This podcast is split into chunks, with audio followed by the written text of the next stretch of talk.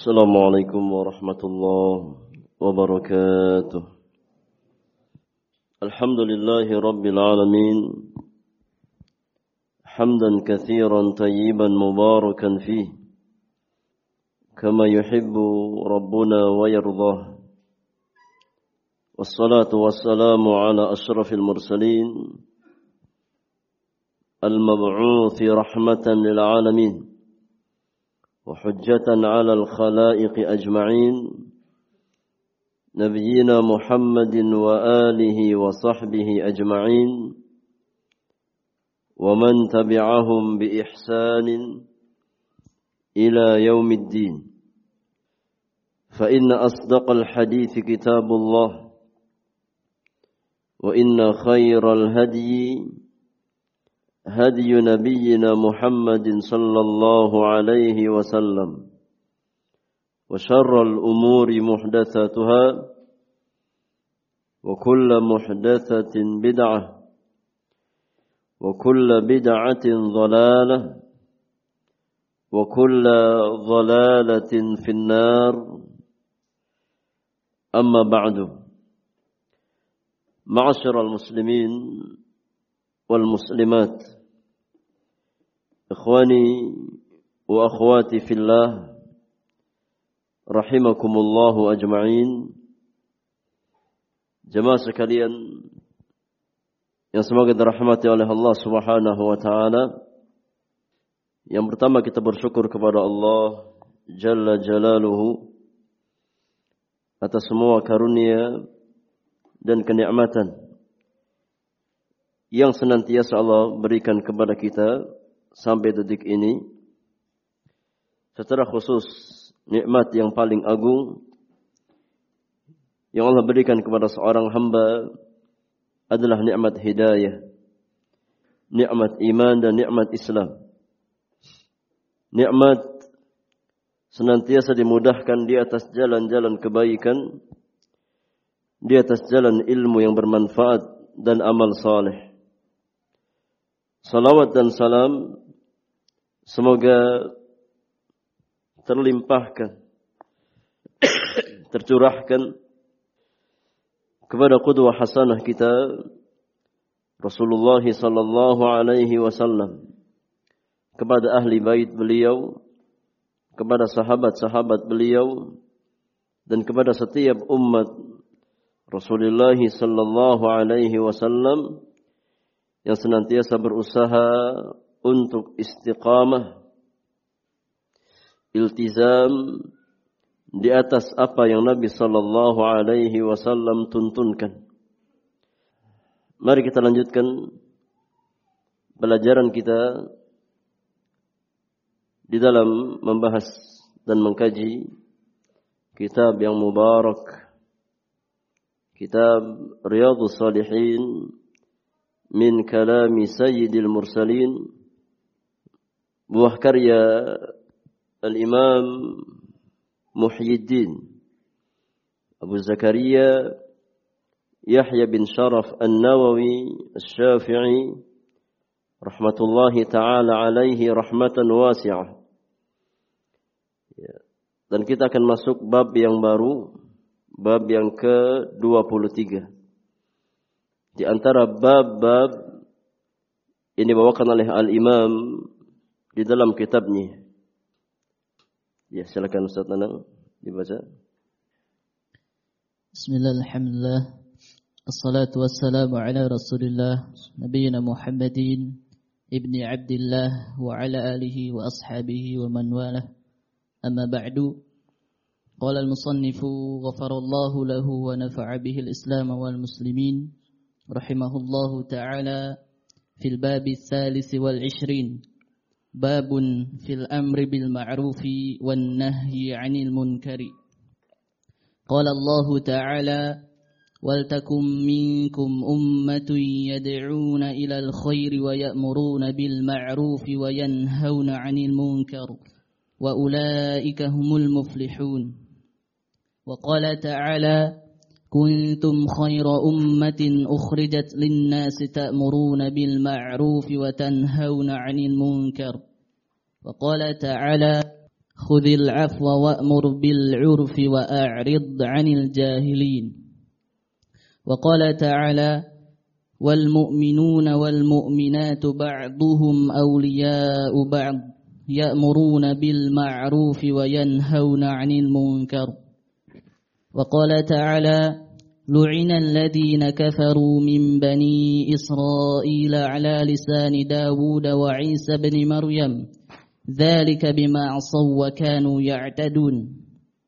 كانوا لا يتناهون عن منكر فعلوه لبئس ما كانوا يفعلون.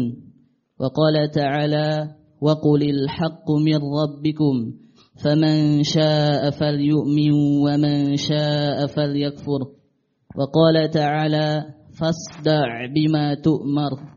وقال تعالى أنجينا الذين أنجينا الذين ينهون عن السوء وأخذنا الذين ظلموا بعذاب بئيس بما كانوا يفسقون.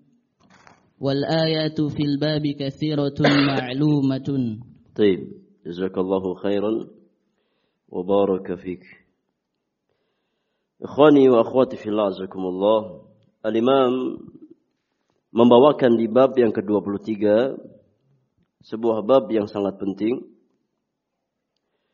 di mana beliau berkata babun fil amri bil ma'ruf wan nahyi 'anil munkar bab dalil-dalil yang menjelaskan ya perintah atau kewajiban dan keutamaan dari mengerjakan amar ma'ruf dan nahi munkar.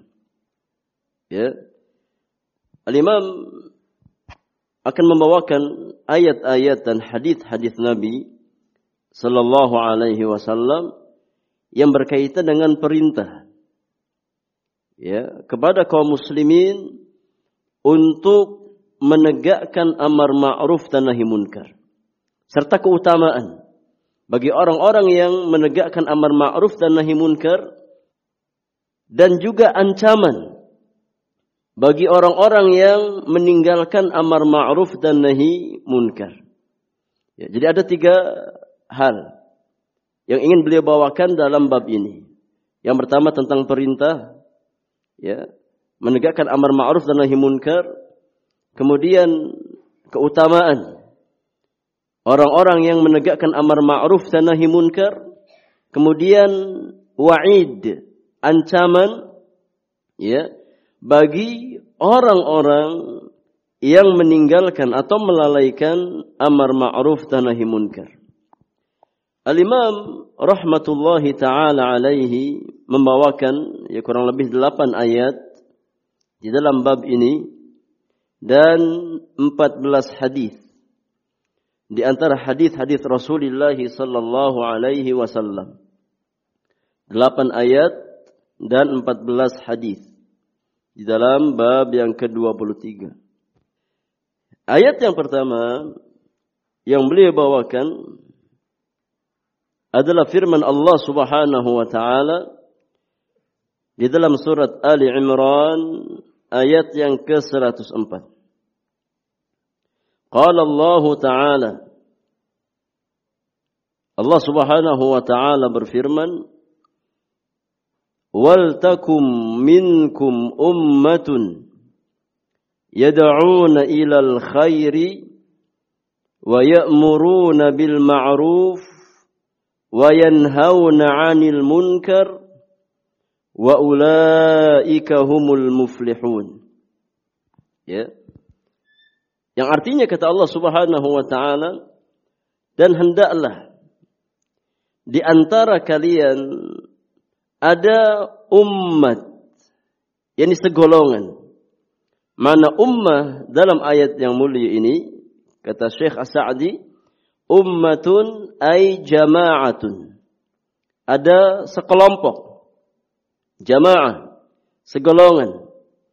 Ya orang-orang beriman yad'una ilal khair.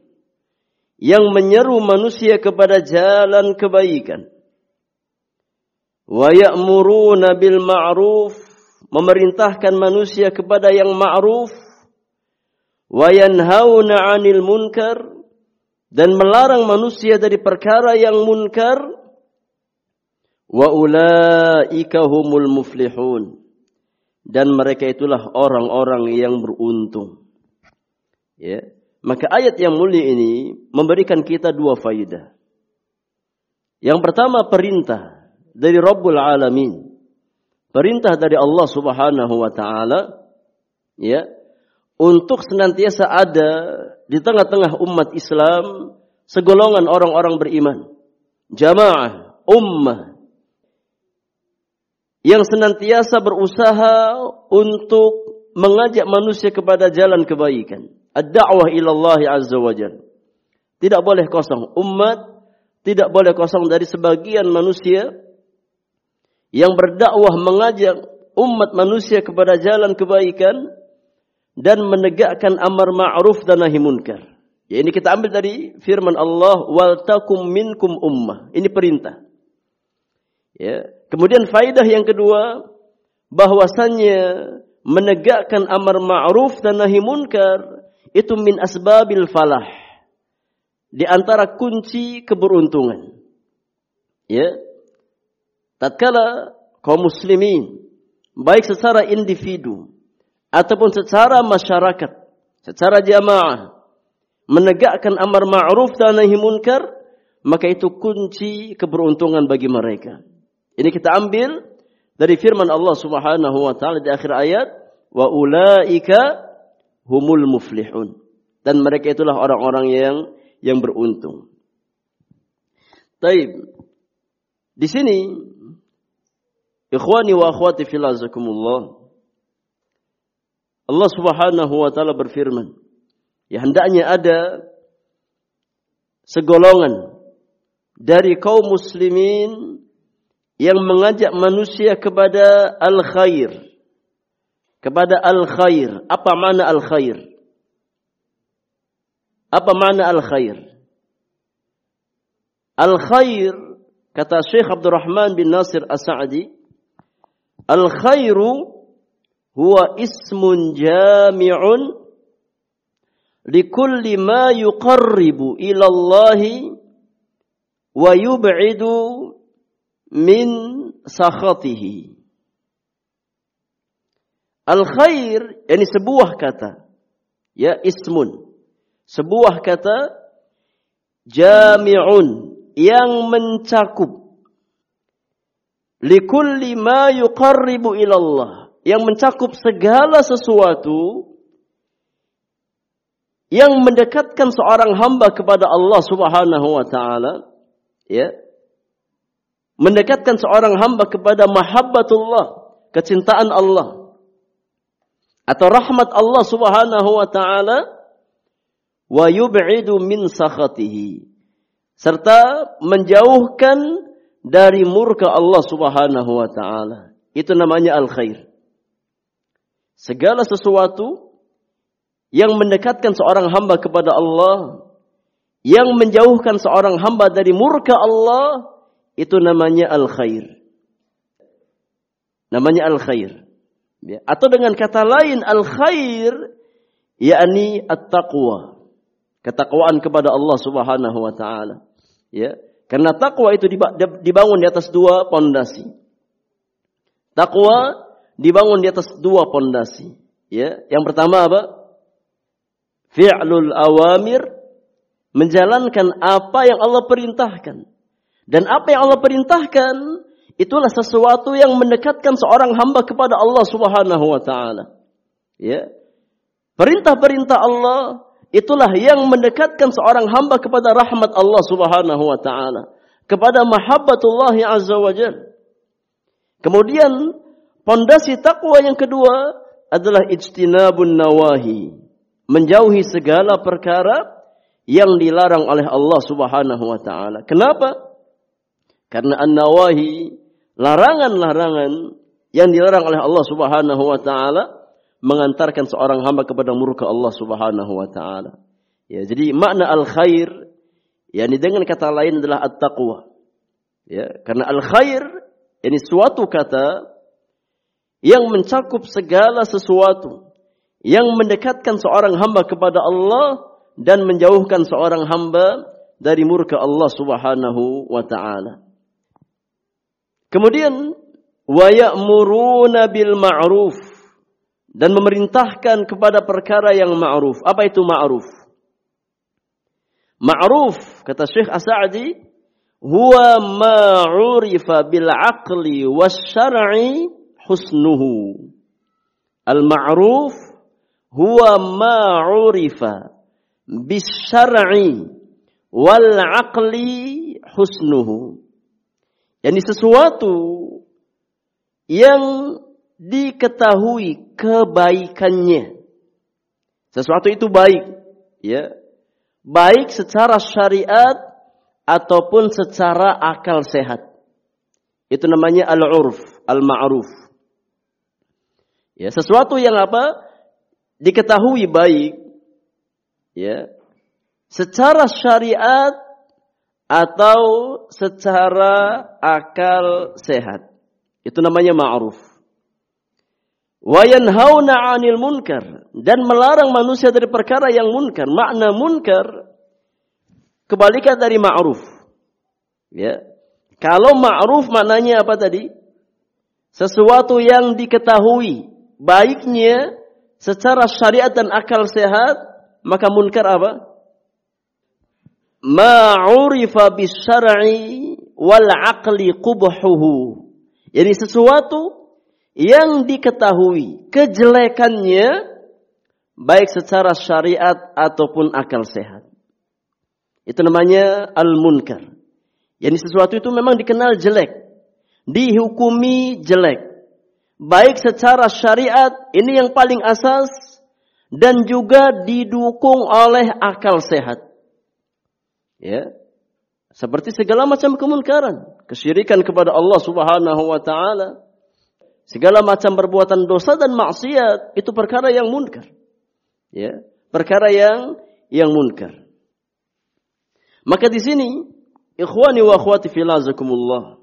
Ya, dari definisi ma'ruf dan munkar kita mengambil faidah. Ya, bahwasannya antara syariat dan akal sehat itu tidak ada kontradiksi. Ya. Karena sama-sama menghukumi ma'ruf sebagai satu kebaikan dan perkara yang munkar sebagai suatu apa? keburukan. Ya.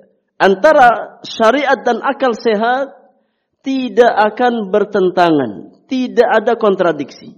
Dan ini sudah kita sering kita bawakan di majelis ini. Ya.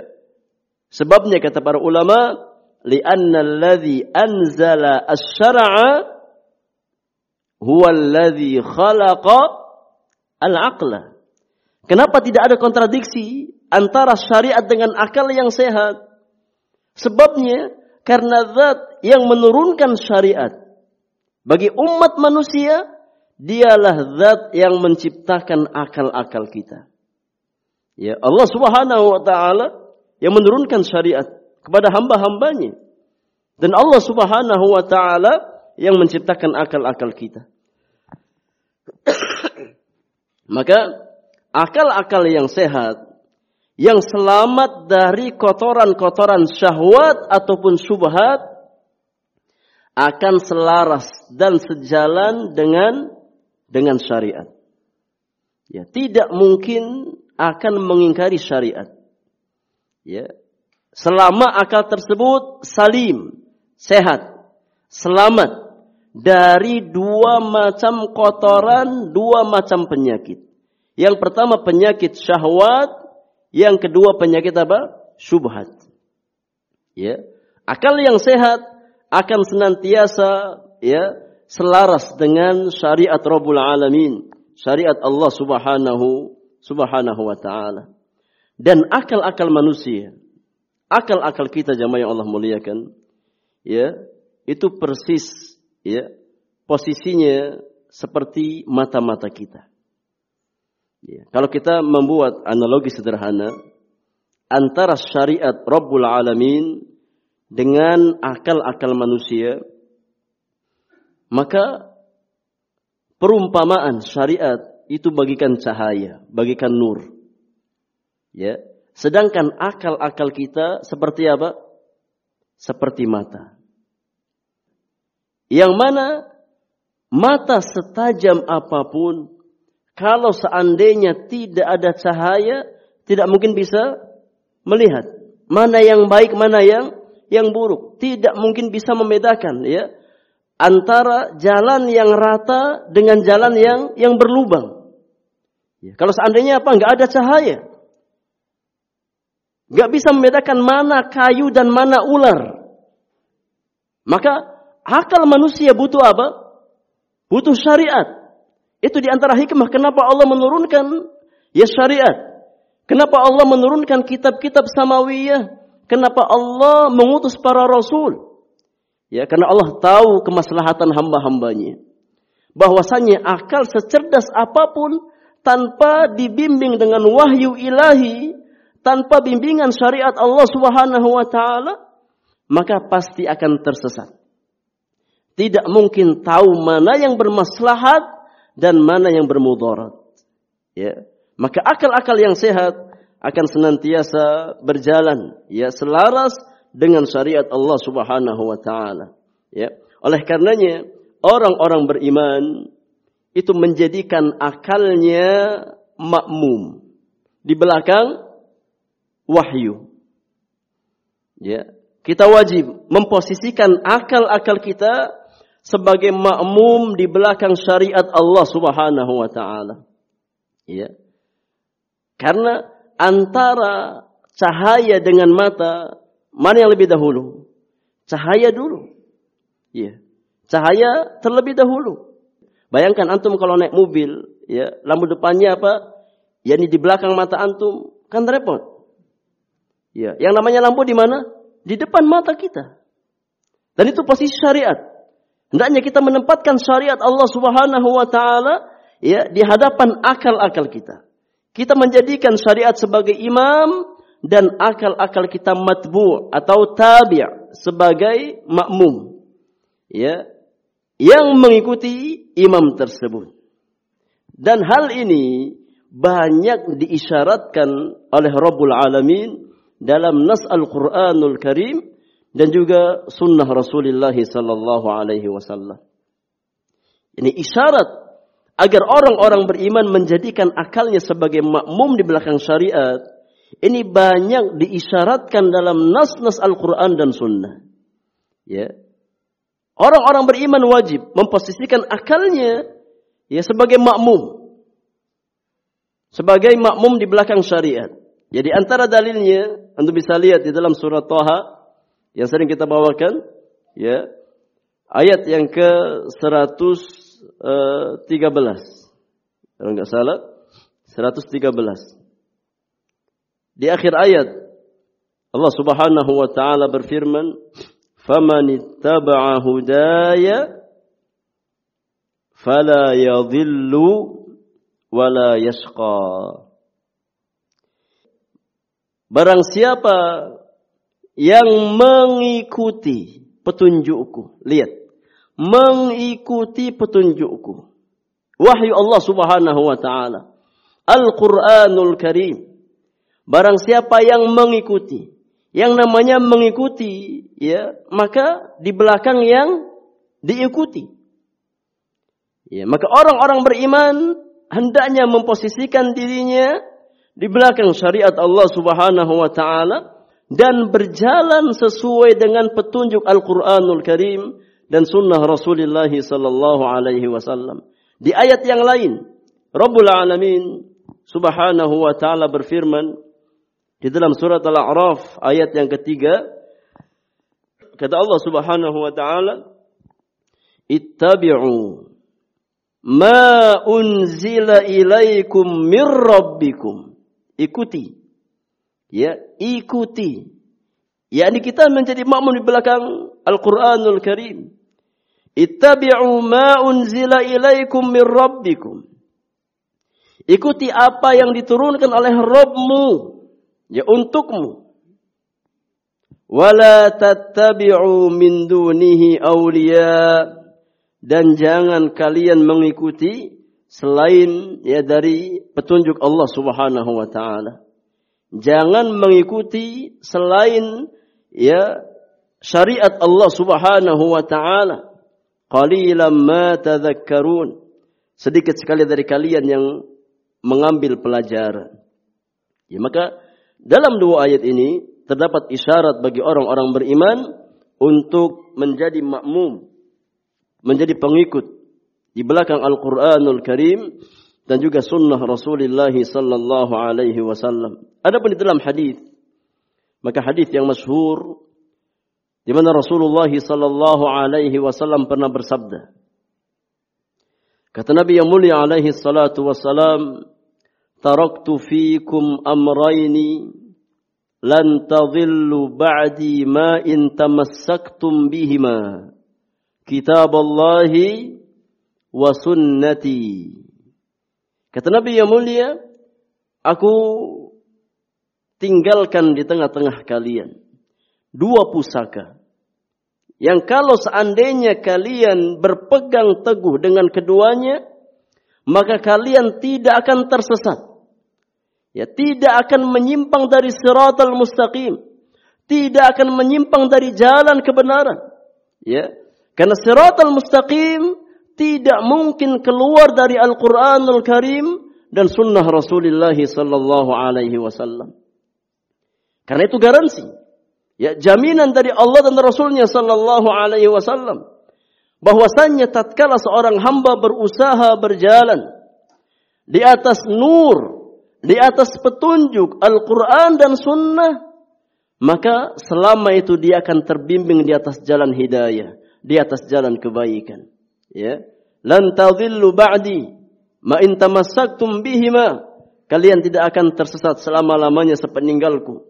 Selama kalian berpegang teguh dengan keduanya dengan Al-Qur'anul Karim dan sunnah Rasulullah sallallahu alaihi wasallam. Ya. Maka dari ayat yang pertama ini kita mengambil faidah bahwasanya antara akal yang sehat dengan syariat tidak mungkin ada kontradiksi ya.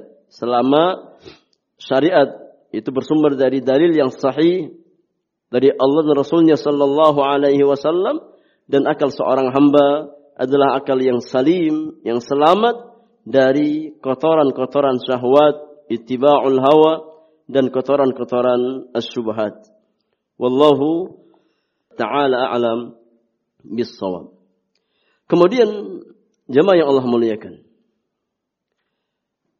Ayat yang kedua, Al-Imam membawakan firman Allah Subhanahu wa taala di dalam surat Ali Imran ayat yang ke-110. Ayat yang ke-110. Qala qala Allah taala Allah Subhanahu wa taala berfirman, "Kuntum khaira ummatin ukhrijat linnas ta'muruna bil ma'ruf wa tanhauna 'anil munkar." Yang artinya kamu adalah sebaik-baik umat. Ya, sebaik-baik umat jadi umat Islam adalah khairu ummah. Umat yang terbaik. Yang dilahirkan di tengah manusia. Apa sebabnya? Kenapa umat Islam mendapatkan khairiyah di antara umat-umat manusia? Sebabnya kata Allah Subhanahu wa taala, ta'muruna bil ma'ruf wa tanhauna 'anil munkar. Karena kamu menyuruh manusia berbuat yang ma'ruf dan mencegah dari yang munkar. Mencegah dari yang yang munkar. Dan sudah kita sebutkan tadi makna al-ma'ruf dan makna al-munkar. Ya.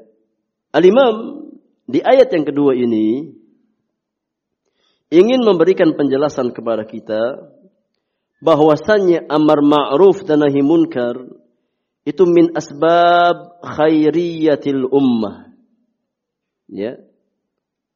Al-Imam tatkala membawakan ayat di dalam surat Ali Imran ayat yang ke-110 ini, beliau ingin menjelaskan kepada kita, kepada kaum muslimin, bahwasanya min asbabi khairiyatil ummati qiyamuhum bil amri bil ma'rufi wan nahyi 'anil munkar.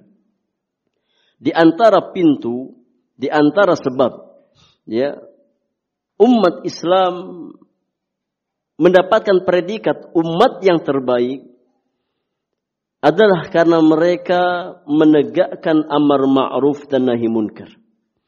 Ya, ini di antara sebab, di antara pintu kemuliaan kaum muslimin. Di antara sebab ya kemuliaan kaum muslimin.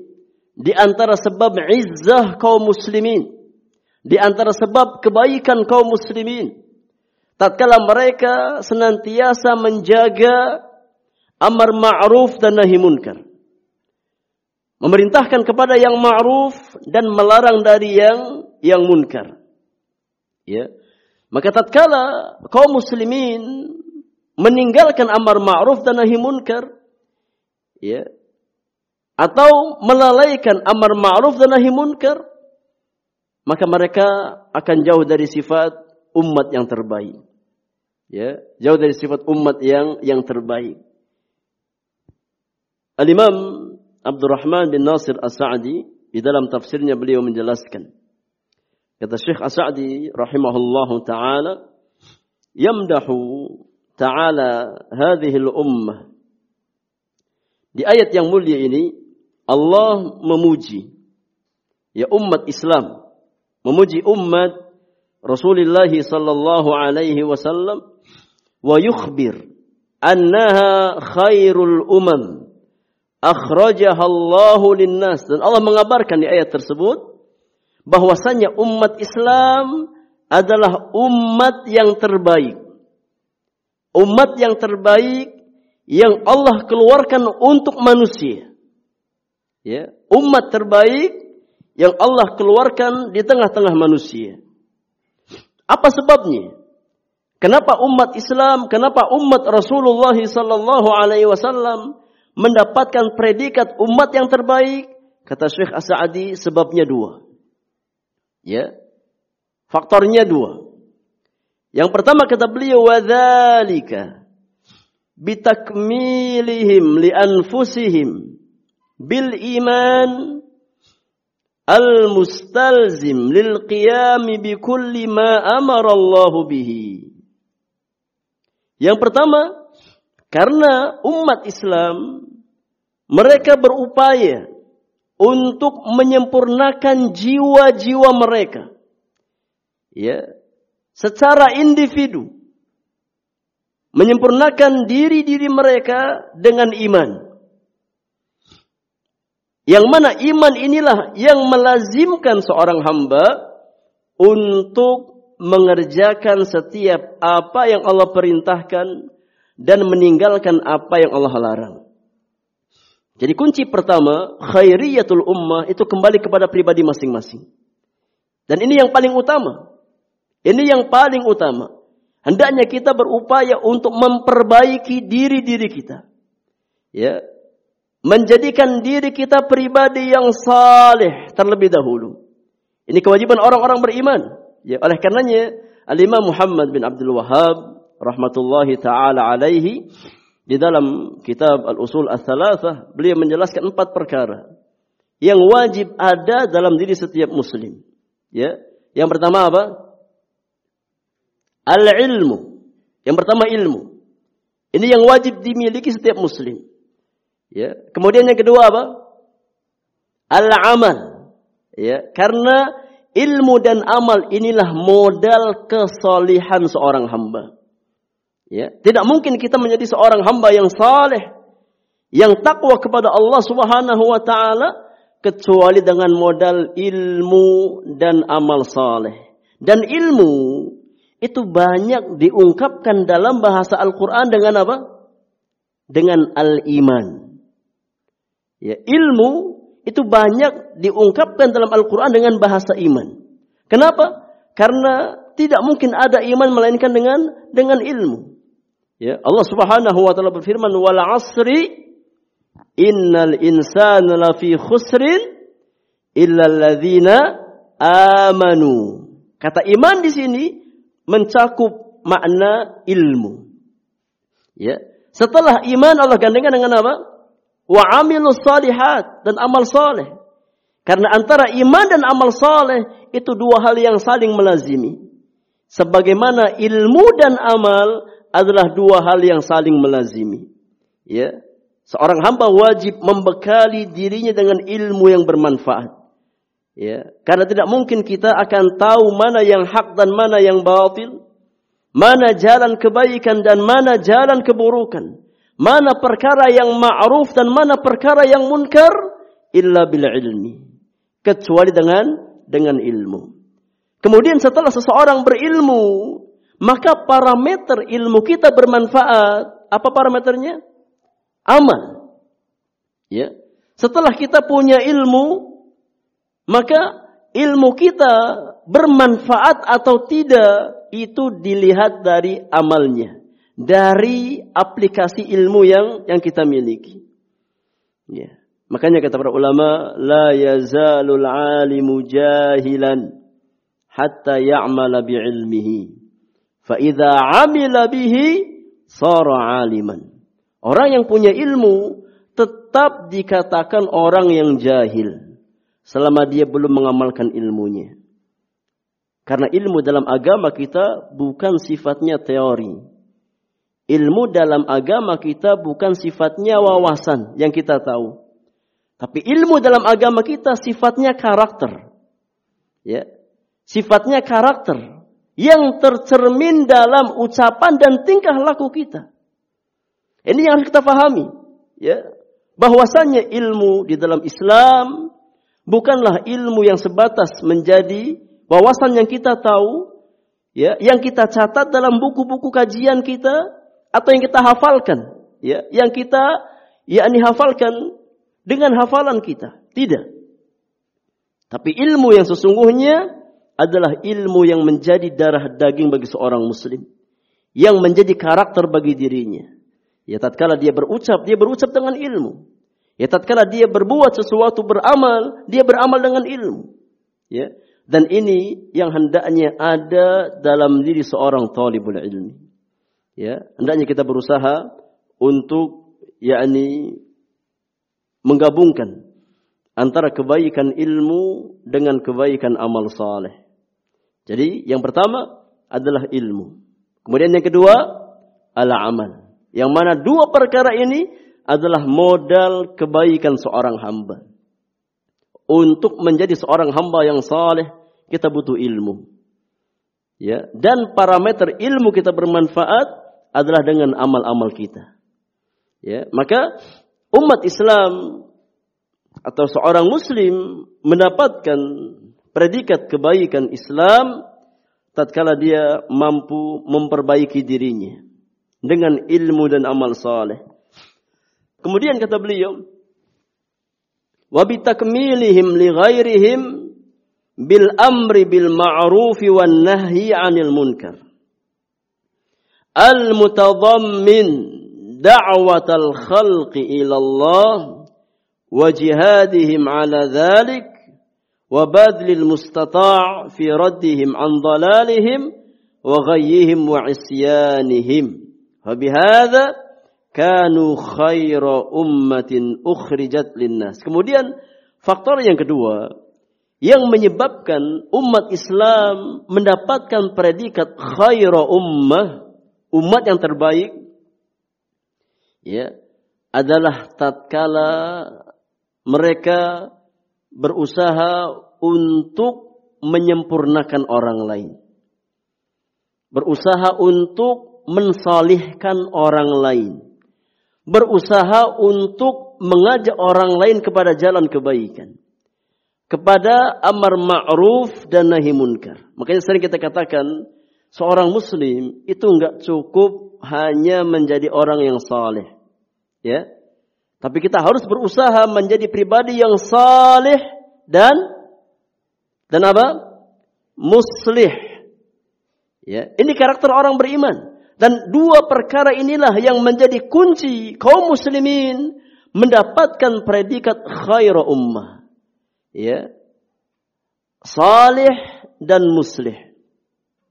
Berusaha mensalihkan diri-diri kita, berusaha memperbaiki diri-diri kita dan berusaha mengajak umat manusia kepada jalan kebaikan. Oleh karenanya tidak ada perkara termulia bagi seorang hamba melainkan orang-orang yang menyeru manusia kepada jalan Allah Subhanahu wa taala. Tidak ada ucapan yang lebih baik daripada ucapan seseorang yang mengajak manusia kepada jalan kebaikan, yang mengingatkan manusia dari kelalaian. Allah Subhanahu wa taala berfirman, ya, "Wa man ahsanu qawlan mimman da'a ila Allah wa 'amila salihan wa qala innani minal muslimin. Dan adakah yang lebih baik ucapannya? Yang lebih ahsan ucapannya daripada orang yang mengajak manusia ya kepada jalan Allah Subhanahu wa taala. Mimman da'a ila Allah. Artinya tidak ada ucapan yang lebih baik kecuali ucapan orang-orang yang berusaha mengajak manusia kepada jalan Allah Subhanahu wa taala mengingatkan manusia dari kelalaian mereka, menegakkan amar ma'ruf dan nahi munkar, mengajak manusia kepada perkara yang ma'ruf dan memerintahkan mereka untuk meninggalkan yang munkar. Itu ucapan yang terbaik. Ya. Dan setiap kita bisa ambil bagian sesuai dengan kapasitas ilmu yang kita miliki. Ya. Minimal ya kita untuk orang-orang yang kita cintai untuk keluarga kita, untuk anak dan istri kita, ya untuk saudara kita. Ya, karena itu yang paling utama.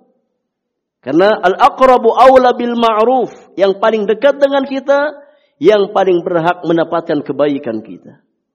Ya. Maka syarat khairiyatul ummatil muhammadiyah ada dua.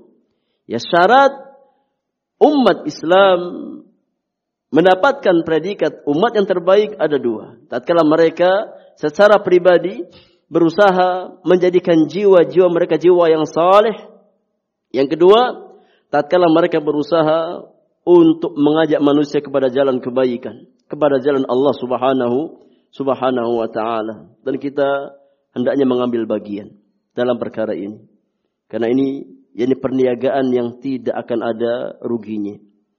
Ya, kalau seandainya kita tidak memiliki kapasitas ya secara ilmu syar'i, paling tidak kita menjadi orang yang membantu ya para duat ilallah ya azza wajal untuk mengajak manusia kepada jalan Allah Subhanahu wa taala dengan apa yang kita miliki.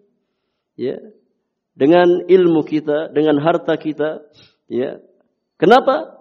Karena seseorang yang yakni bertawun di atas kebaikan maka mereka akan mendapatkan ya kebaikan yang sangat besar di hadapan Allah Subhanahu Subhanahu wa taala. Baik, wallahu alam bisawab. Insyaallah kita lanjutkan di pertemuan yang akan datang. Apa-apa yang hak semata-mata taufik dari Allah Subhanahu wa taala, yang salah dan kurang karena kesalahan dan kurang ilmu yang saya miliki.